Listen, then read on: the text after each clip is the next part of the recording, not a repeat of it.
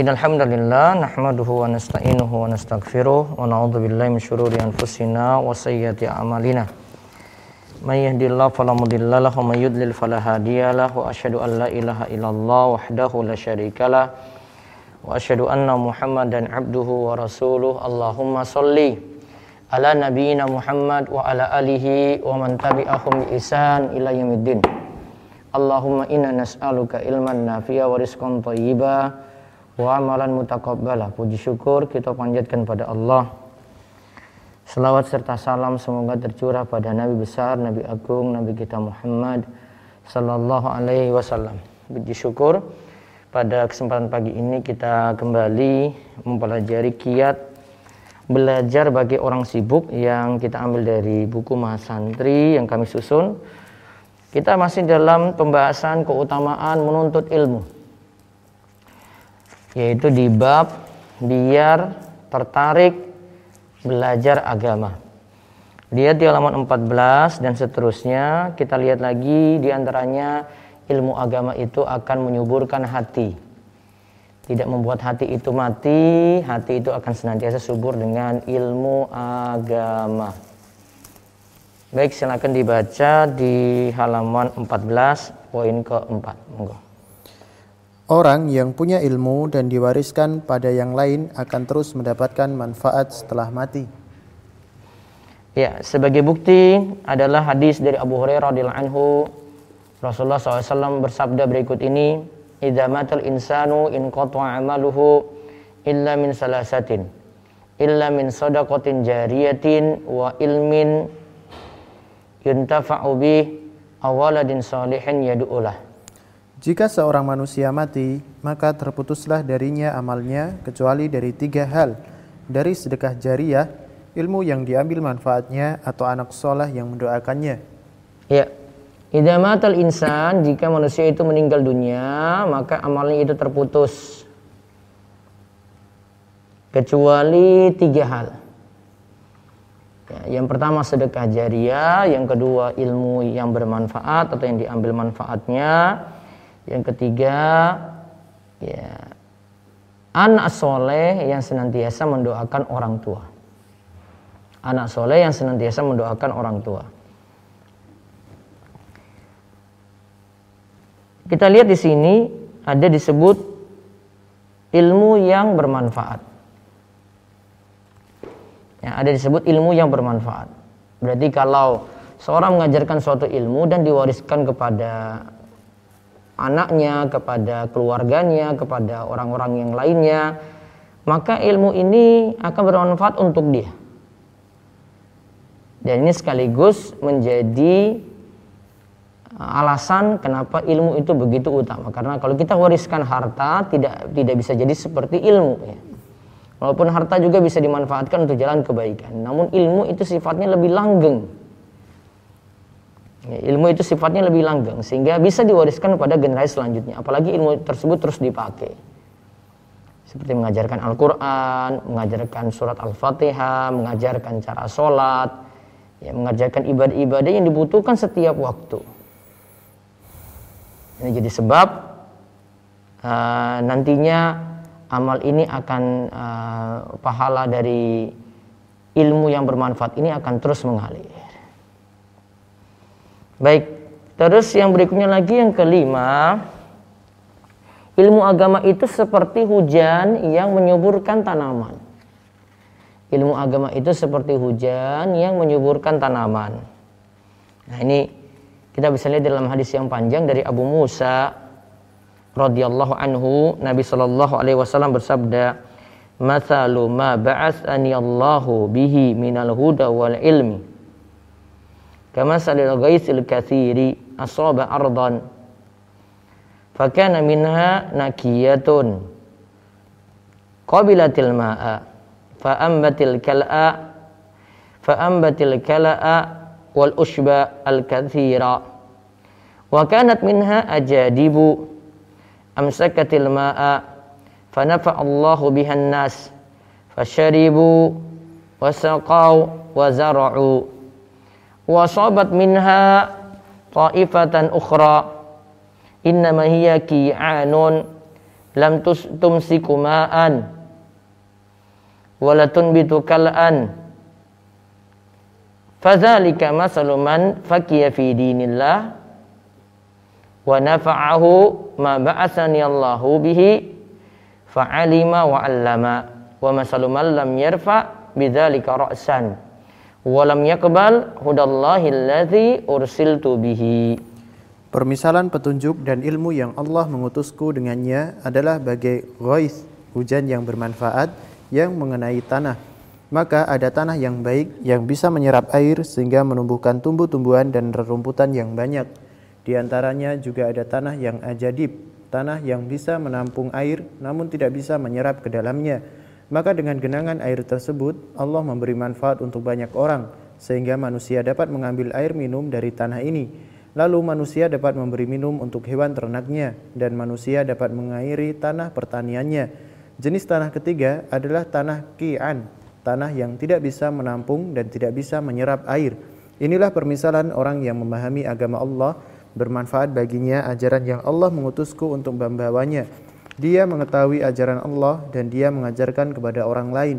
Dan demikianlah orang yang tidak mengangkat kepalanya terhadap wahyu, dia tidak mau menerima petunjuk yang Allah mengutusku untuk membawanya. Taib. Disebutnya di sini ya. Permisalan petunjuk dan ilmu. Jadi petunjuk dan ilmu itu ibarat hujan. Di sini disebut dengan istilah hujan ini ghaith. Ya, disebut dengan hujan di sini adalah ghais. Ghais ini adalah hujan yang bermanfaat. Jadi sifat ilmu itu diibaratkan dengan ghais. Ya, sifat ilmu diibaratkan dengan gois, hujan yang bermanfaat. Berarti di sini dari sisi ilmunya itu sendiri yang kita bahas adalah ilmu yang bermanfaat.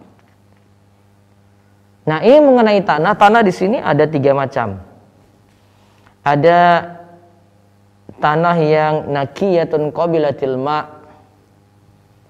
Ada tanah yang baik yang bisa menyerap air. Itu pertama ya. Ada tanah yang baik bisa menyerap air. Kemudian yang kedua ada tanah ajadib. Tanah yang bisa menampung tapi tidak bisa menyerap ke dalamnya. Cuma bisa menampung tidak bisa menyerap. Terus ada tanah yang ketiga tanah kian. Kian ini tidak bisa menampung juga tidak bisa menyerap tidak bisa menampung, tidak bisa menyerap. Ilmu turun. Nah, ilmu turun pada tiga jenis tanah ini. Sama seperti hujan turun pada tiga jenis tanah ini. Berarti ada ilmu ini ibaratnya nanti akan masuk ke hati yang atau ke seseorang yang punya tiga sifat ini. Ada orang yang punya sifat yaitu bisa menyerap, bisa menampung. Ada yang kedua punya sifat cuma menampung saja tidak bisa menyerap. Kemudian ada yang ketiga tidak bisa menampung, tidak bisa menyerap.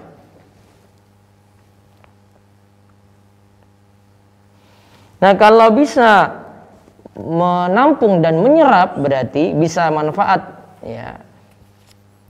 Hujan itu pada tanah ini ataupun orang lain bisa manfaatkan. Kalau tanahnya itu cuma bisa menampung saja tidak bisa menyerap, tanahnya cuma bisa menampung saja, tidak bisa menyerap, ya. berarti tanah tersebut cuma bisa dimanfaatkan orang lain yang punya sendiri tidak bisa manfaatkan, tidak bisa ngambil manfaat. Kemudian kalau tanah yang terakhir tanah kian, dia tidak bisa menampung, tidak bisa menyerap. Berarti uh, kalau ada hujan turun, ya tidak, tidak manfaat untuk tanah sejenis ini. Nah sama dengan ilmu, ya sama dengan ilmu ada ilmu yang kalau datang itu pada media yang bisa menampung dan menyerap. Ya, bisa menampung dan menyerap.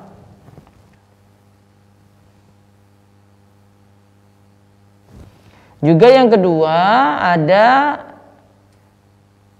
ilmu yang masuk pada media, pada media yaitu pada orang yang cuma bisa menampung saja, dia tidak bisa menyerap. Ilmu tidak masuk ke dalam hatinya gitu. Dan ada yang ketiga, tidak bisa menampung, tidak bisa menyerap. Berarti ilmu itu ketika masuk, ya tidak bisa ditampung oleh dia, juga tidak bisa diserap. Lalu dikatakan yang terakhir di sini, inilah permisalan orang memahami agama Allah. Fadzalika masalu man faqiya. Inilah permisalan untuk orang yang memahami ilmu agama. Wa naf'ahu ma ba'athani Allahu. Ya, bermanfaat baginya ajaran yang Allah mengutusku untuk membawanya. Fa'alima wa 'allama dia belajar wa 'allama dan mengajarkan. Dia belajar dan mengajarkan. Nah, ini tipe yang pertama berarti kan ada ilmu yang dia bisa menampung kemudian bisa menyerap. Berarti dia bisa belajar dan mengajarkan. Dia itu paham dan mengajarkan Terus dikatakan dan demikianlah orang yang tidak mengangkat kepalanya terhadap wahyu, dia tidak mau menerima petunjuk Allah yang mengutusku untuk membawanya ada di situ orang yang ketiga di sini jelaskan dia itu tidak mau menerima wahyu dan tidak uh, tidak mau menerima wahyu dia menolaknya dia tidak mau menerima petunjuk dari Allah lewat wahyu yang diberikan kepada Nabi kita Muhammad Sallallahu Alaihi Wasallam. Berarti kita bagi di sini kalau kesimpulan yang terakhir di sini ada orang yang memahami ilmu dan dia ajarkan memahami ilmu dan dia ajarkan. Yang kemudian yang kedua ada orang itu yang tidak paham tapi dia ajarkan. Orang yang diajarkan lebih paham nantinya. Dan ada yang ketiga, orang yang tidak memahami dan tidak mengajarkan, dia menolak wahyu. Dan dalam kita belajar biasanya tiga tipe ini ada. Ada orang yang uh, paham terus bisa ajarkan pada yang lain, bisa nyampaikan pada yang lain, orang-orang terdekat dia. Ada orang yang cuma sekadar ngaji saja, nggak paham-paham. Sebenarnya dia mau berusaha paham, tapi nggak bisa paham gitu. Allah belum beri petunjuk pada dirinya. Tapi dia sampaikan pada orang lain, orang lain dengar lebih paham. Dan ada orang yang tidak memahami dan tidak mengajarkan. Ada orang yang tidak memahami dan tidak mengajarkan. Bahkan menolak di situ. Dia menolak wahyu dia menolak ilmu. Ya ada majelis pengajian. Apa sih ngaji-ngaji kayak gitu? Nah, dia sibuk dengan urusan dunianya dia sibuk dengan kesibukannya. Yang kita kalau bahas orang sibuk ya berarti ya sesibuk-sibuknya dia. Dia nggak mau belajar gitu nah kita lihat penjelasan di bawahnya sih nanti ada perkataan dari Imam Nawawi juga kita lihat dulu di bawahnya Bukhari Bukhari membawakan hadis ini dalam kitab sahihnya pada bab orang yang berilmu dan mengajarkan ilmu. Imam Nawawi membawakan hadis ini dalam syarah sahih Muslim pada bab permisalan petunjuk dan ilmu yang Allah mengutus Nabi Shallallahu alaihi wasallam dengannya. Taib. Bukhari membawakan hadis ini dalam kitab sahihnya dalam bab orang yang berilmu dan mengajarkan ilmu. Jadi ada yang paham ilmu dia ajarkan, ada yang cuma sekadar mengajarkan saja. Dia mungkin jadi paham tapi tidak seutuh orang yang nanti mendengar. Kemudian Imam Nawawi membawakan judul lebah permisalan petunjuk dan ilmu yang Allah mengutus Nabi SAW dengannya. Nah itu dimisalkan tadi dengan hujan. Jadi sifat ilmu itu bisa menyuburkan hati. Hati jadi hidup dengan ilmu, hati jadi semangat dengan ilmu. Ya, yang biasanya futur jadi kembali bangkit lagi dengan ilmu. Kemudian Imam Nawawi rahimahullah mengatakan, Adapun makna hadis dan maksudnya di dalamnya terdapat permisalan bagi petunjuk Nabi Shallallahu Alaihi Wasallam dengan ghaith, hujan yang bermanfaat. Juga terdapat kandungan dalam hadis ini bahwa tanah itu ada tiga macam, begitu pula manusia. Tadi ilmu dimisalkan dengan hujan yang bermanfaat. Kan hujan macam-macam ya, ada hujan rintik-rintik, ada hujan deras, ada hujan yang bawa bencana gitu ya. Tapi di sini ilmu ini dimisalkan dengan ghaith, hujan yang bermanfaat. Berarti ilmu di sini adalah ilmu yang bermanfaat. Pasti punya manfaat bagi kita, pasti punya manfaat untuk hati kita. Terus uh, dimisalkan tanah ada tiga, maka manusia tipenya ada tiga juga. Dalam penerimaan uh, ilmu, dalam penerimaan ilmu ada tiga macam. Sebagaimana tanah dalam penerimaan hujan ada tiga macam. Terus kita lihat jenis pertama. Jenis pertama adalah tanah yang bermanfaat dengan adanya hujan. Tanah tersebut menjadi hidup setelah sebelumnya mati Lalu dia pun menumbuhkan tanaman. Akhirnya manusia pun dapat memanfaatkannya. Begitu pula hewan ternak dan tanaman lainnya dapat tumbuh di tanah tersebut. Ya, terus begitu pula Begitu pula manusia jenis pertama, dia mendapatkan petunjuk dan ilmu, dia pun menjaganya atau menghafalkannya, kemudian hatinya menjadi hidup, dia pun mengamalkan dan mengajarkan ilmu yang dia miliki pada orang lain. Akhirnya, ilmu tersebut bermanfaat bagi dirinya dan juga bermanfaat bagi yang lainnya. Taib, di sini sebutkan setelah kita lihat ilmu itu diibaratkan dengan hujan, kemudian yang menerima di sini adalah orang-orang yaitu diberatkan dengan tanah. Ada tiga macam di situ. Kita lihat jenis tanah pertama itu tanah yang bermanfaat. Tadi disebut nakiyatun qabilatil ma yang menerima air. Jadi bermanfaat dengan adanya hujan. Jadi bisa jadi tanah itu sebelumnya mati gitu. Hujan datang, hujan yang manfaat tadi datang jadi hidup. Maka tadi sifat ilmu itu menyuburkan hati. Kita sebut tadi ya, sifat ilmu itu menyuburkan hati. Lalu tanaman tumbuh. Ya. Lalu tanaman tumbuh. Akhirnya manusia dapat memanfaatkannya. Ya manusia dapat memanfaatkannya, begitu pula hewan-hewan ternak memanfaatkannya pula, bukan hanya manusia di sini. Tanaman juga jadi ikut subur saat itu. Nah, ini ibarat untuk manusia jenis pertama adalah yang dia mendapatkan petunjuk dengan ilmu dia mendapatkan petunjuk dan ilmu, dia menjaganya, dia ulang-ulang menghafalkannya, kemudian hatinya menjadi hidup, dia pun mengamalkan dan mengajarkan ilmu yang dia miliki pada orang lain, diajarkan orang lain dapat manfaat dari ilmu tadi. Maka ilmu tadi bermanfaat untuk dirinya dan juga untuk orang lain. Ilmu tadi itu bermanfaat untuk dirinya dan untuk orang lain. Ini masya Allah ini mudah-mudahan kita masuk yang pertama ini. Jadi kita belajar, berusaha untuk paham, berusaha untuk dalami, kemudian kita berusaha mengajarkan ini pada orang lain. Nah, coba kita lihat jenis kedua, tanah jenis kedua dan permisalan manusia di dalamnya. Jenis kedua adalah tanah yang tidak mendatangkan manfaat bagi dirinya sendiri, namun bermanfaat bagi orang lain. Tanah ini menahan air sehingga dapat dimanfaatkan oleh yang lain.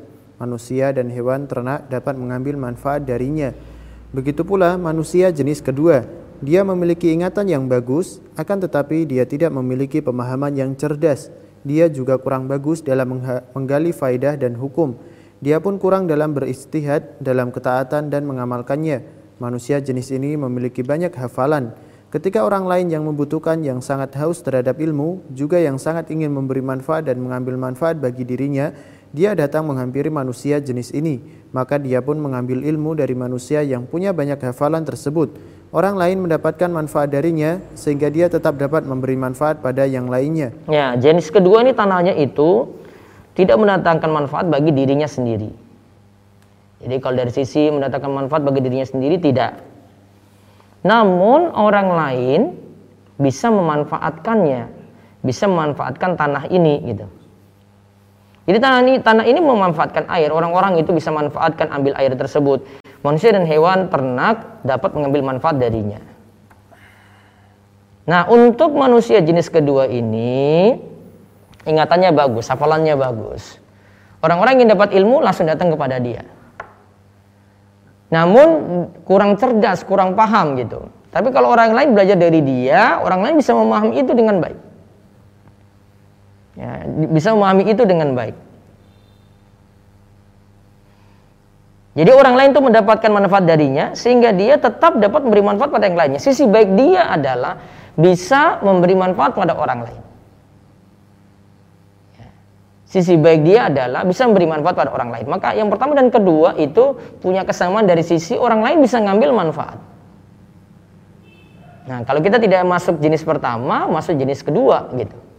Minimalnya apa? Hadir, berusaha ikuti, dapat berkah ilmu, kita bisa mengingat, nah sampaikan pada orang lain, walaupun nantinya pemahaman kita tidak utuh, karena mungkin ilmu yang kita terima tidak sepenuhnya gitu. Belum bisa kita pahami. Kadang satu materi kita belajar ulang-ulang nggak paham-paham. Kita ulang-ulang nggak paham-paham gitu. Nah, butuh pengulangan lagi. Ya. Namun ketika kita ngajarkan ke orang lain, ya orang lain dengar itu, mereka catat, terus pelan-pelan nanti mereka juga gali lagi ilmu tadi, akhirnya mereka paham. Kita cuma mengandalkan hafalan kita gitu. Nah, bisa jadi kita masuk tipe yang kedua, ya tapi eh, dari sisi kemanfaatan masih bisa beri pada orang lain. Maka minimal jadi yang kedua. Kalau tidak jadi yang pertama. Sekarang jenis ketiga. Tanah jenis ketiga tadi ya. jenis ketiga adalah tanah tandus yang tanaman tidak dapat tumbuh di atasnya. Tanah jenis ini tidak dapat menyerap air dan tidak pula menampungnya untuk dimanfaatkan orang lain. Begitu pula manusia jenis ketiga. Manusia jenis ini tidak memiliki banyak hafalan juga tidak memiliki pemahaman yang bagus Apabila dia mendengar ilmu, apabila dia mendengar ilmu tersebut tidak bermanfaat baginya, dia juga tidak bisa menghafal ilmu tersebut agar bermanfaat bagi orang lain. Nah, kalau ini tanah yang ketiga tidak dapat tumbuh tanaman di atasnya, hmm, terus tanah jenis ini tidak dapat menyerap air dan tidak pula menampung untuk dimanfaatkan orang lain. Nah, ini ibarat kalau untuk manusia ada manusia untuk menghafal tidak bisa, tidak punya banyak hafalan. Dan dia juga tidak memiliki pemahaman yang bagus. Tidak punya banyak hafalan, tidak memiliki pemahaman yang bagus. Namun dia bisa jadi paling minimal dia tahu ilmu, tapi di sisi paham kurang, dari sisi menghafal kurang. Jadi kesimpulan di eh, kesimpulan yang manusia ketiga ini adalah tidak bisa menghafal ilmu sehingga tidak bisa bermanfaat bagi orang lain. Nah, dari sisi ini juga berarti uh, ilmu itu mesti dipahami dan dihafalkan. Ya, ilmu itu mesti dipahami dan dihafalkan. Ada bagian-bagian ilmu yang kita itu hafalkan, kita mesti ingat gitu sehingga sewaktu-waktu ilmu tadi bisa disampaikan kepada orang lain. Jadi orang lain bisa memahami ilmu ini. Jadi kesimpulannya manusia ada tiga. Yang pertama yang bisa menyerap ilmu dan kemudian memberi manfaat pada orang lain.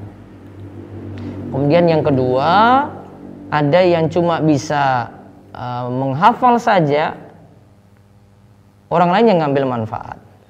Kemudian yang ketiga tidak bisa menghafal dan pemahamannya juga kurang bagus.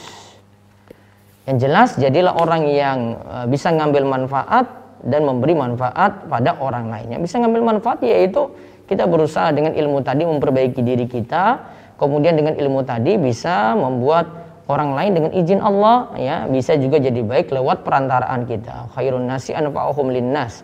Kata Nabi SAW, manusia yang paling baik itu adalah yang paling memberi manfaat pada manusia.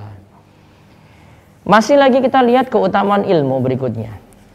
Allah menjadikan hasil buruan dari anjing yang tidak dilatih sebagai bangkai yang haram dimakan, lalu menjadikan halal bagi buruan dari anjing yang cerdas dan telah dilatih.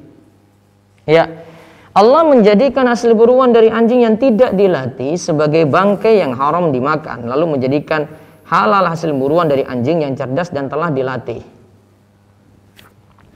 Allah berfirman dalam surat Al-Maidah ayat 4, "Yas'alunaka madza uhila lahum?" Qul uhillakum thayyibat wa ma'allamtum minal jawarihi mukallabina tu'allimunahun mimma 'allamakum Allah faqulu mimma amsakna 'alaikum waskuru waskuru smallahi 'alaihi wattaqullaha innallaha sari'ul hisab. Kita lihat dulu uh, terjemahan dari Al-Maidah ayat 4. Mereka menanyakan kepadamu apakah yang dihalalkan bagi mereka? Katakanlah dihalalkan bagimu yang baik-baik dan buruan yang ditangkap oleh binatang buas yang telah kamu ajar dengan melatihnya untuk berburu. Kamu mengajarnya menurut apa yang telah diajarkan Allah kepadamu, maka makanlah dari apa yang ditangkapnya untukmu, dan sebutlah nama Allah atas binatang buas itu waktu melepaskannya, dan bertakwalah kepada Allah, sesungguhnya Allah amat cepat hisapnya. Ya, Quran surat Al-Maidah ayat keempat. Ibnu Qayyim di sini nanti akan menjelaskan ayat ini. Jadi ayat ini menjelaskan tentang ada yang menjadi uh, hewan pemburu, bisa anjing dan yang lainnya. Tugas hewan ini adalah dilatih, ingat ya, pertama dilatih, kemudian dilepas dengan menyebut Bismillah, nah, menangkap ya yang diburu. Misalnya hewan ini nangkap rusak misalnya, dilepas Bismillah, kemudian hewan yang diburu tadi tertangkap. Maka kalau Eh, dibawa di situ hidup-hidup ya sudah nanti tinggal disembeli dan halal untuk yang makan. Namun kalau mati di tangan hewan pemburu ini ya karena sudah dilepas dengan bismillah maka jadi halal. Walaupun di situ dengan menggunakan anjing. Namun catatannya ya di sini catatannya yang telah dilatih. Yang telah dilatih. Berarti yang tidak dilatih alias bodoh tidak bisa membuat hasil tangkapan itu menjadi halal.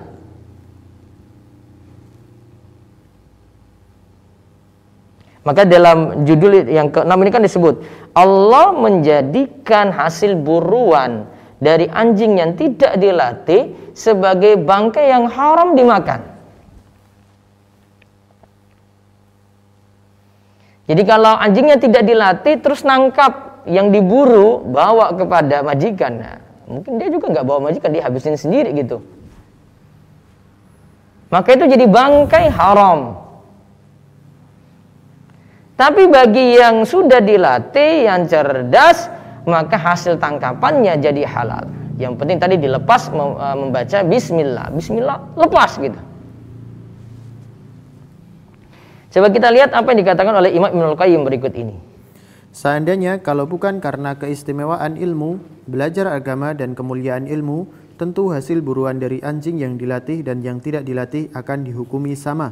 Nah, tentu hasilnya nanti sama antara anjing saja ini ya yang dilatih dengan tidak dilatih. Namun Allah bedahkan di situ. Dibedakan antara anjing yang sudah dilatih dan yang tidak dilatih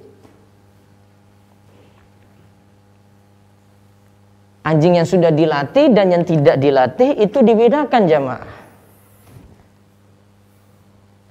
kalau anjing saja seperti ini ya bagaimana lagi dengan manusia manusia yang belajar dengan manusia yang tidak belajar ya beda. Ya, manusia yang belajar, sekali lagi ya manusia yang belajar dengan yang tidak belajar itu beda. Gak bisa sama, gak boleh sama, gak boleh disamakan gitu.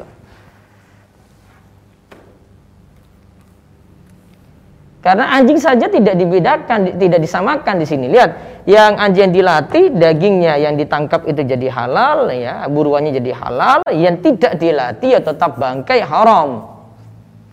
Maka dampak dari orang yang belajar dengan orang yang tidak belajar beda gitu. Orang yang belajar nanti kualitas ibadahnya pasti lebih bagus, ya, lebih bermutu, kalau dia dapati ilmu tentang doa-doa, doanya sahih, ya, walaupun mungkin hafalan doanya sedikit namun sahih, bermutu gitu. Daripada orang yang tidak berilmu, tidak paham, atau tidak mau belajar bahkan, yang didapat tuh berbeda. Dan ini tidak pandang ilmu itu tidak pandang dia itu keturunan siapa ya. Ya, walaupun dia keturunan dari darah biru sekalipun, kalau tidak belajar agama, tetap tidak bisa manfaat itu. Dampaknya beda, hasilnya beda, dan kita tahu di dunia nyata seperti itu. Ini bukan hanya teori dalam Al-Quran saja, gitu. Dalam ilmu dunia saja sudah dibedakan itu. Orang yang punya spesialisasi tertentu dengan orang yang tidak punya, ya berbeda itu dianggap. Orang yang pakar dalam uh, suatu bidang beda dengan orang yang tidak pakar. Ya ini sudah dia cuma umum saja dia tidak bisa eh, kerjakan yang spesialis ini nggak bisa gitu. Berbeda. Maka tidak bisa disamakan orang yang ngaji dengan orang yang tidak ngaji. Nah biar berbeda, biar berbeda gimana gitu ya? Yang ngaji gitu. Pelan-pelan kita belajar dari ilmu-ilmu dasar dulu pahami. Ya, itu berbeda banget gitu. Contoh misalnya ini saya beberapa hari lagi nanti masih dalam sistem lagi di ini ya kita akan belajar lagi bahasa Arab nih. Saya bilang lagi karena saya sudah sering ngajar ini ada di YouTube saya juga ya.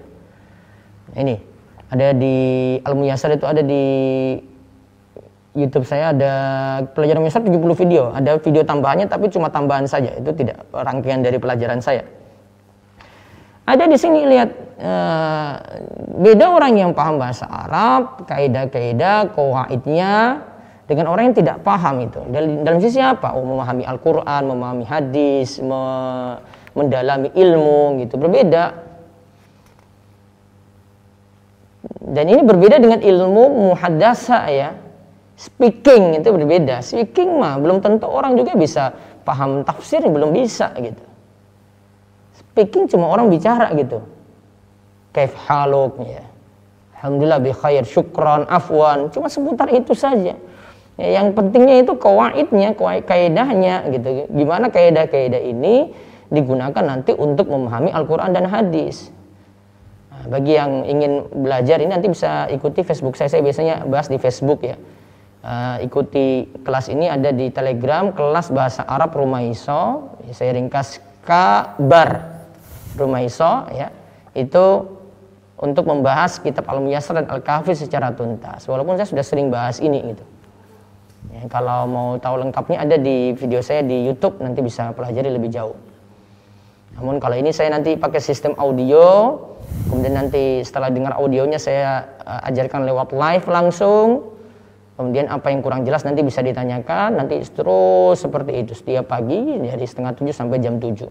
Jadi kajian pagi ini saya akan batasi cuma sampai setengah tujuh saja. Ya, untuk uh, melanjutkan dengan bahasa Arab sehingga dapat ilmu yang mumpuni di situ. Karena orang yang belajar dengan orang yang tidak belajar tidak sama gitu. Sama seperti orang yang pahami bahasa Arab dengan yang tidak paham bahasa Arab berbeda gitu. Kualitas ilmunya berbeda. Kalau kualitas ilmu berbeda, kualitas amal juga berbeda.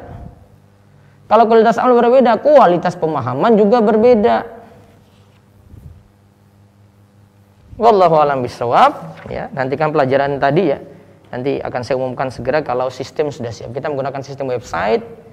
Jadi semua yang ingin dipelajari ada di website mudah di website bahasa Arab Rumah Iso bisa nanti dapat linknya juga di ini di website domeso.com.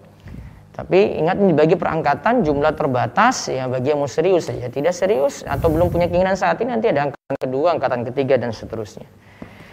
Wallahu a'lam bisawab. Ya, selanjutnya kita masuk sesi tanya jawab. Masih ada satu bahasan lagi ya, tentang keutamaan ilmu. Uh, ilmu itu jihad ya dan yang lainnya. Saya mau mencoba juga lengkapi lagi dengan ini baru seberapa sih dari pembahasan keutamaan ilmu ya. Sini saya baca di kitab Miftah dari Sa'adah karya Imam Ibnu Qayyim itu banyak sekali dan pemahamannya mendalam. Saya habis ini mau ngecek lagi sebab beberapa poin tentang keutamaan ilmu saya bisa sampaikan dari kitab Miftah dari Sa'adah karya Imam Ibnu Qayyim rahimahullah. Uh, ini ada tadi saya pantau ada yang bertanya di YouTube dulu ini, apakah ilmu umum termasuk bagian dari permisalan air ini Ustadz? Enggak, kita lagi bahas kalau bahas ilmu itu asalnya belajar uh, asalnya kita membahas ilmu agama ya. Kalau ilmu umum itu tidak bisa pengaruh dalam hati, nggak bisa gitu. Ya, belum bisa punya pengaruh dalam hati langsung yang bisa punya pengaruh dalam hati buat kita semangat ibadah, buat iman kita bertambah bertambah ya cuma dengan ilmu agama saja. Maka yang dimaksudkan dengan ilmu agama. Jadi kalau kita mempelajari keutamaan ilmu yang dimaksudkan adalah ilmu agama jemaah. Terus ada lagi yang bertanya eh, apakah menuntut ilmu agama itu kita tidak boleh pilih-pilih guru? Gitu. Asalkan ada kebaikan diambil. Sekarang bagi penuntut ilmu pemula ingat punya harus punya filter dong. Nggak bisa pakai uh, kaidah saya Eh, saya memilih kebaikan dari mana saja gitu. Iya pertanyaannya, tahu itu kebaikan dari mana gitu. Orang yang bisa menyatakan seperti ini kalau dia sudah punya ilmu dasar. Ya. Karena kalau dia pakai prinsip ini nanti akidah uh, akidah salaf dia ambil, nanti akidah khawarij dia ambil, nanti akidah mu'tazilah dia ambil dan dia menganggap semuanya baik-baik saja gitu akidah Syiah dia ambil dan dia menganggap baik-baik saja. Maka kaidahnya itu fatal banget. Dan ini kaidah dalam ilmu umum pun ini tidak dibenarkan gitu. Ya kaidah dalam ilmu umum pun itu tidak dibenarkan. Kita harus ngambil dari orang yang terpercaya gitu. Kayak beginilah kita praktekkan saja dalam masa pandemi ini covid ini. Kalau yang bicara itu kita lihat ini orang pakar nggak? Spesialisasi nggak dia cuma tukang pijit saja dia bicara COVID. Masa sih dia cuma, maaf, cuma tukang parkir saja dia bicara COVID. Terus Anda terima begitu saja. Kan aneh gitu. pasti akan menyaring gitu. Ini bicara ini dokter, dokternya spesialisasi di sini. Dia terjun di lapangan langsung, dia punya penelitian tentang COVID. Dia bicara tentang COVID itu jelas, latar belakangnya ada gitu. Karena penelitiannya ada. Oh, dia pakar virologi misalnya. Nah, kita ambil ilmu dunia saja seperti itu, nggak pernah untuk ilmu dunia kita ngambil ngasal gitu, nggak bisa. Apalagi ilmu yang nanti kita butuh untuk mengantarkan ke surga. Jadi kalau pakai kaidah milih guru mana pun, ambil ilmu kebaikan dari mana pun, kurang tepat bagi pemula kurang tepat. Ya. Ini kalau orang yang punya ilmu dasar dia bisa nyaring gitu. Oh, saya ambil dari sini, ini saya tahu cara nyeleksi dia gimana. Oh, dia pemahamannya di sini kurang bagus nih. Oh, dia dalam semua sifat saya beri catatan di sini ya. Tapi ilmu yang ini saya ambil. Nah, ini bagi orang yang sudah punya ilmu dasar bisa gitu.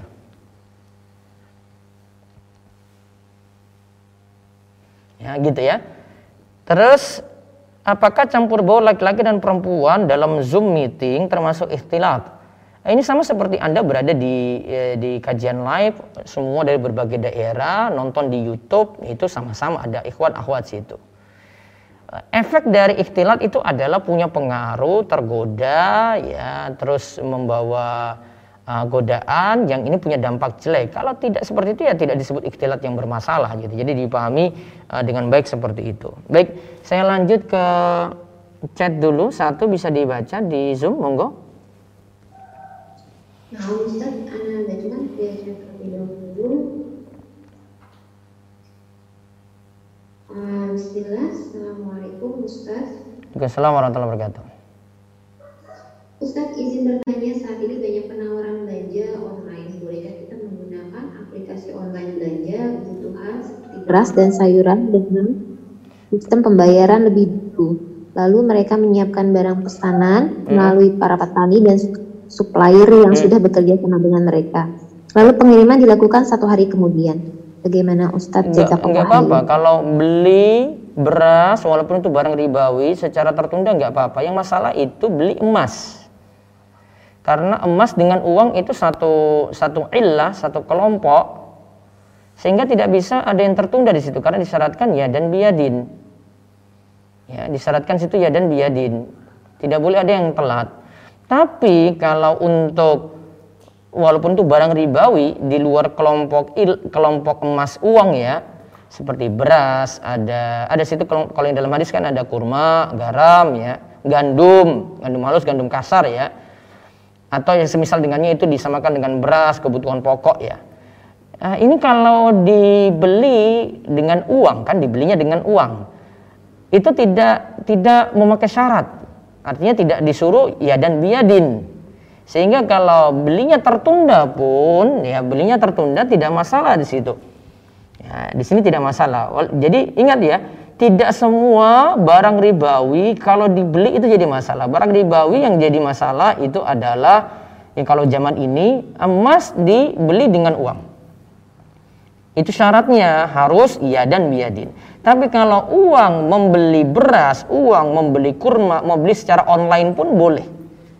Itu tidak ada masalah. Wallahu a'lam. Baik, satu lagi lewat chat.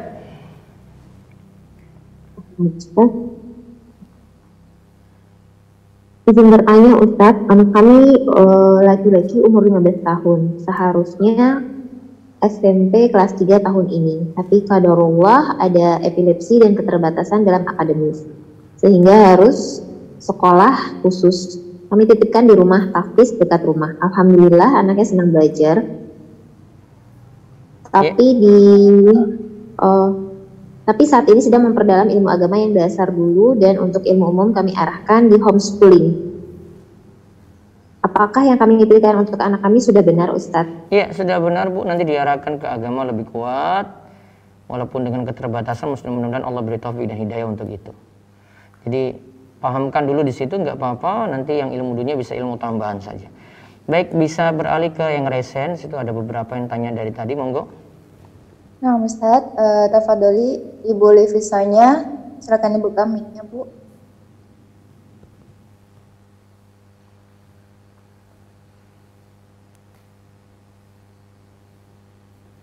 Afwan, Ibu Levisanya, tafadoli dibuka mic-nya, Bu.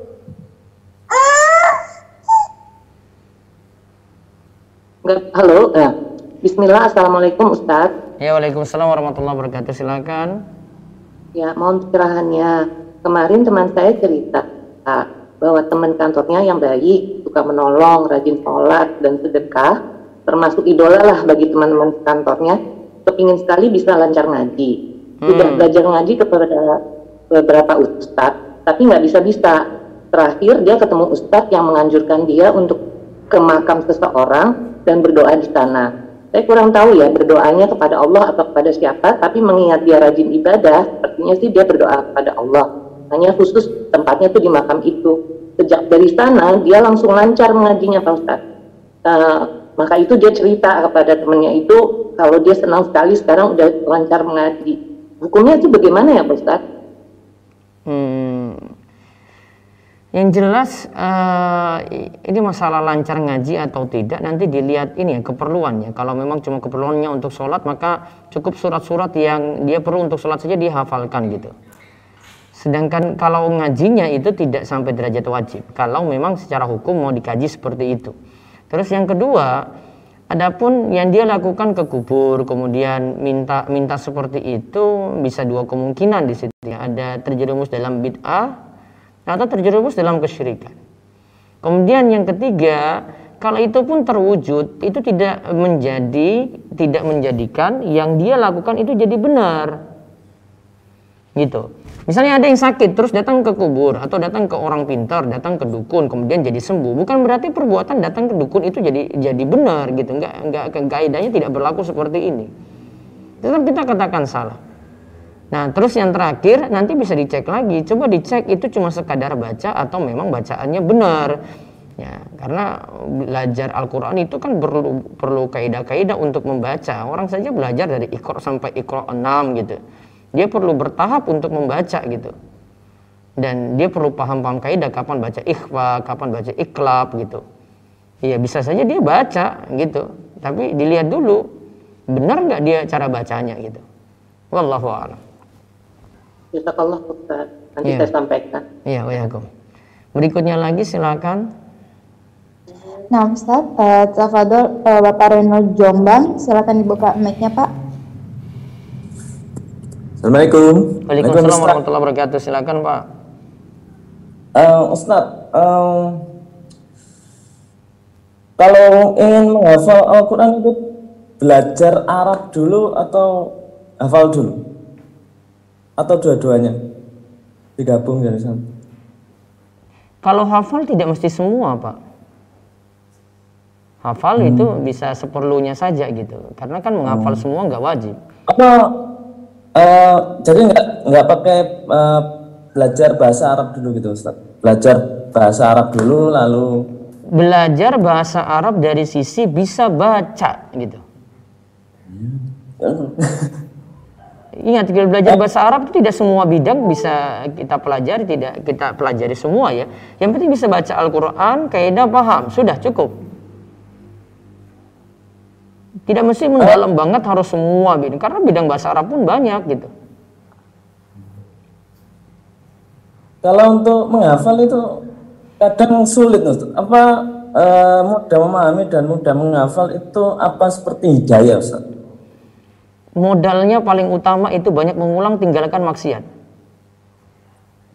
Kalau maksiatnya masih jalan-jalan aja nggak mungkin maksiat itu bergabung dengan hafalan nggak mungkin karena Al-Quran itu suci gitu nggak mungkin digabung dengan hal-hal kotor nggak mungkin.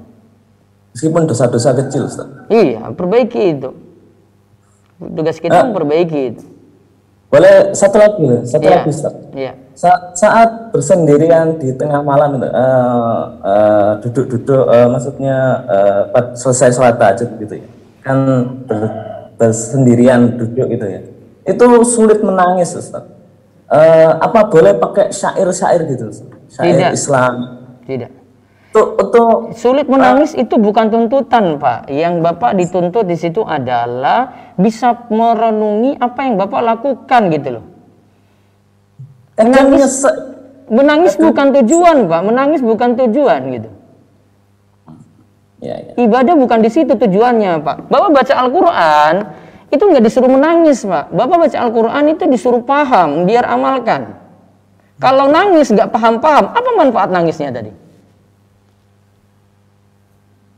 Iya kan? Sama seperti sholat. Sholat menangis sekalian. dia nangis dari takbiratul ihram sampai salam, dia nangis terus. Eh sholat tadi kamu ngapain? Apa yang kamu pahami dari sholat? Gak ada. Apa manfaat sholatnya pak? Bukannya untuk merenungi. Merenungi bukan nangis pak. Gak mesti dengan nangis. Merenungi itu bapak paham bacaan.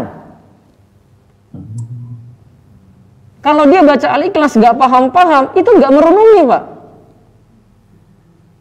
Gimana coba kalau eh, dia baca al-ikhlas sambil nangis? Tapi, eh, kamu tahu nggak apa artinya tadi? Nggak tahu. Terus nangis untuk apa? Intinya itu tujuannya itu bukan nangis di sini.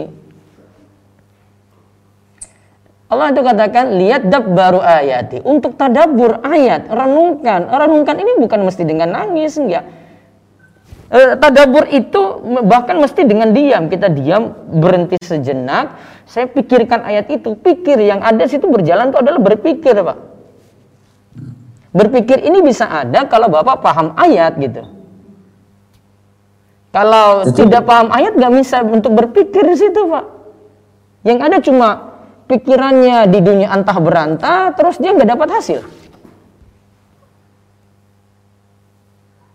Paham ini pak? Jadi ungkapan yang menang eh, berdoa dengan menangis dapat cepat mengabulkan doa itu berarti salah, nggak sepenuhnya benar. nggak sepenuhnya benar. Berdoa yang punya manfaat itu Bapak renungkan doa tadi, bisa jadi efeknya menangis. Tapi kalau ternyata doa tadi tidak dipahami, ya tidak disebut manfaat untuk Bapak. Karena Bapak tidak tahu apa yang Bapak ba- panjatkan gitu. Ya ya Ustaz. Iya kan? Jadi ingat ka- kalimatnya tadi, tidak mesti dengan menangis untuk dapat eh, seseorang itu doanya terkabul, enggak. Bukan di situ, merenungkan di situ, merenungkan, menghayati gitu. Gak simpel gampangnya gini, eh, di dunia nyata ada aja deh. Pengemis datang-datang, menangis-nangis ke bapak. Bapak kasih nggak? Enggak. Itu aja belum tentu dikasih. Karena bapak tidak tahu maksud dia apa kan. Eh, kamu nangis-nangis ngapain depan saya? Enggak, dia cuma nangis saja. Ih, nangis untuk apa nangis depan saya gitu kan? Tapi kalau dia nangis terus dia ungkap, "Pak, saya ini terdampak Covid, Pak. Saya tahu Bapak lewat perantaraan Bapak saya bisa mungkin bisa dapat sesuatu gitu." Nah, Bapak mulai dia ngomong dan paham bacaan tadi gitu ya. Paham pahami bacaannya, tambah dia nangis, dah baru Bapak tuh kasih. Beda kalau datang cuma nangis-nangis. Ih, nangis-nangis ngapain depan saya? Logikanya kayak gitu, Pak. Mudah paham kan? Ya ya Pak, ya. Ye. Ustaz, terima kasih Ustaz. Jazakallah khair. Ye, wa yakum Allah barik fik. Baik, satu lagi silakan. Nah, Ustaz, uh, Tafadhol Ibnu Herman, silakan dibuka mic-nya, Pak. Assalamualaikum warahmatullahi wabarakatuh. Ya, Waalaikumsalam warahmatullahi wabarakatuh. Mau bertanya, sir dan jahar dalam sholat, kalau sholat yang bacaan fatihahnya jahar, maghrib, isya itu eh, sendiri, apakah apakah kekuatan keras bacaannya itu sama seperti saat kita jadi imam? Ustaz? Tidak, tidak. Jadi cukup sendiri mi- minimal mulutnya komat kamit aja. Artinya bacaannya untuk kita aja, Pak. Oh, kalau sir, kalau yang sholat sir itu Sama. lebih- Bacanya sama seperti kalau memang Bapak mau baca Al-Fatihah lagi di belakang imam yang sholat jahar. Oh jadi sama, nggak lebih dipelankan ya Ustadz kalau? Dipelankan kan sama seperti Bapak lagi sholat zuhur nih ya. Bapak lagi sholat zuhur itu suaranya pelan saja. Pelan itu artinya untuk Bapak saja, nggak usah kanan kiri dengar. Minimal mulutnya komat kamit, Pak. Hmm, kalau yang tadi jahar pun juga seperti itu juga komat kami, tapi nggak usah terlalu keras ya Ustadz. Eh, ya nggak usah terlalu keras. Iya, jadi jangan sampai suara itu membuat kanan kiri risih gitu. Hmm. Itu aja gampangannya kalau mau dipahami. Ya, satu lagi Ustadz. Eh, eh, ini kan kita beriman pada malaikat Ustadz. Eh, apakah boleh eh, kita kan mengimani ada malaikat pencatat di sebelah kanan kiri kita gitu. Dan Iya. untuk eh, kaitannya sama berdoa, kita kan boleh berdoa ke orang yang ada di depan kita, misalnya Ustadz tolong doakan saya.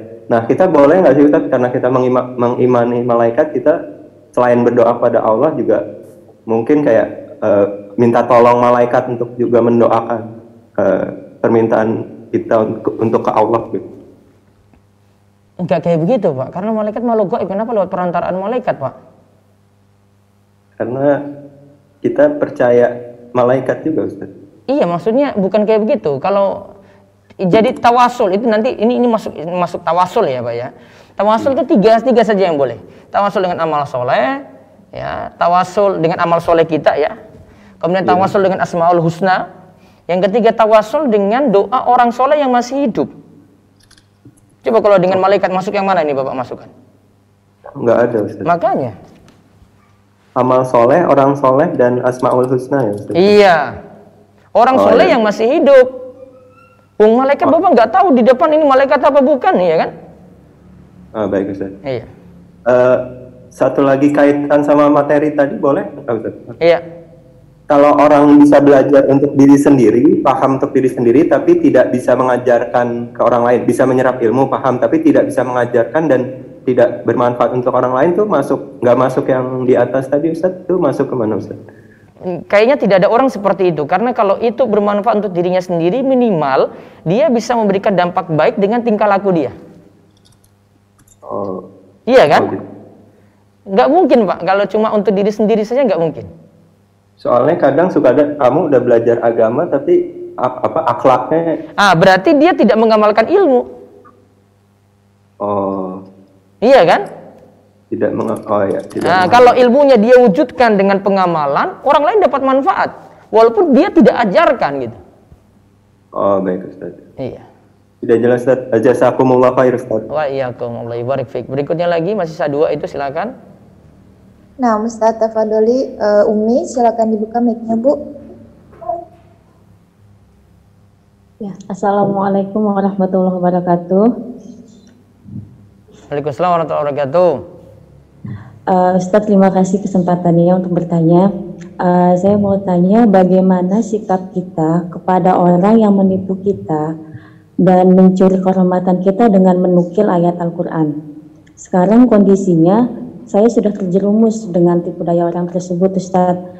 Setelah saya pelajari ayat-ayat tersebut, saya saya baca lagi, saya korelasikan dengan ayat-ayat yang lainnya.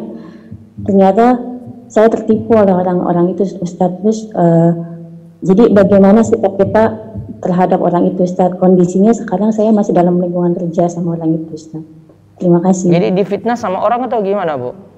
Hmm, enggak difitnah sih, kayak dia mencoba mengajak saya untuk melakukan perbuatan dosa dengan menukil ayat Al-Quran, Ustaz.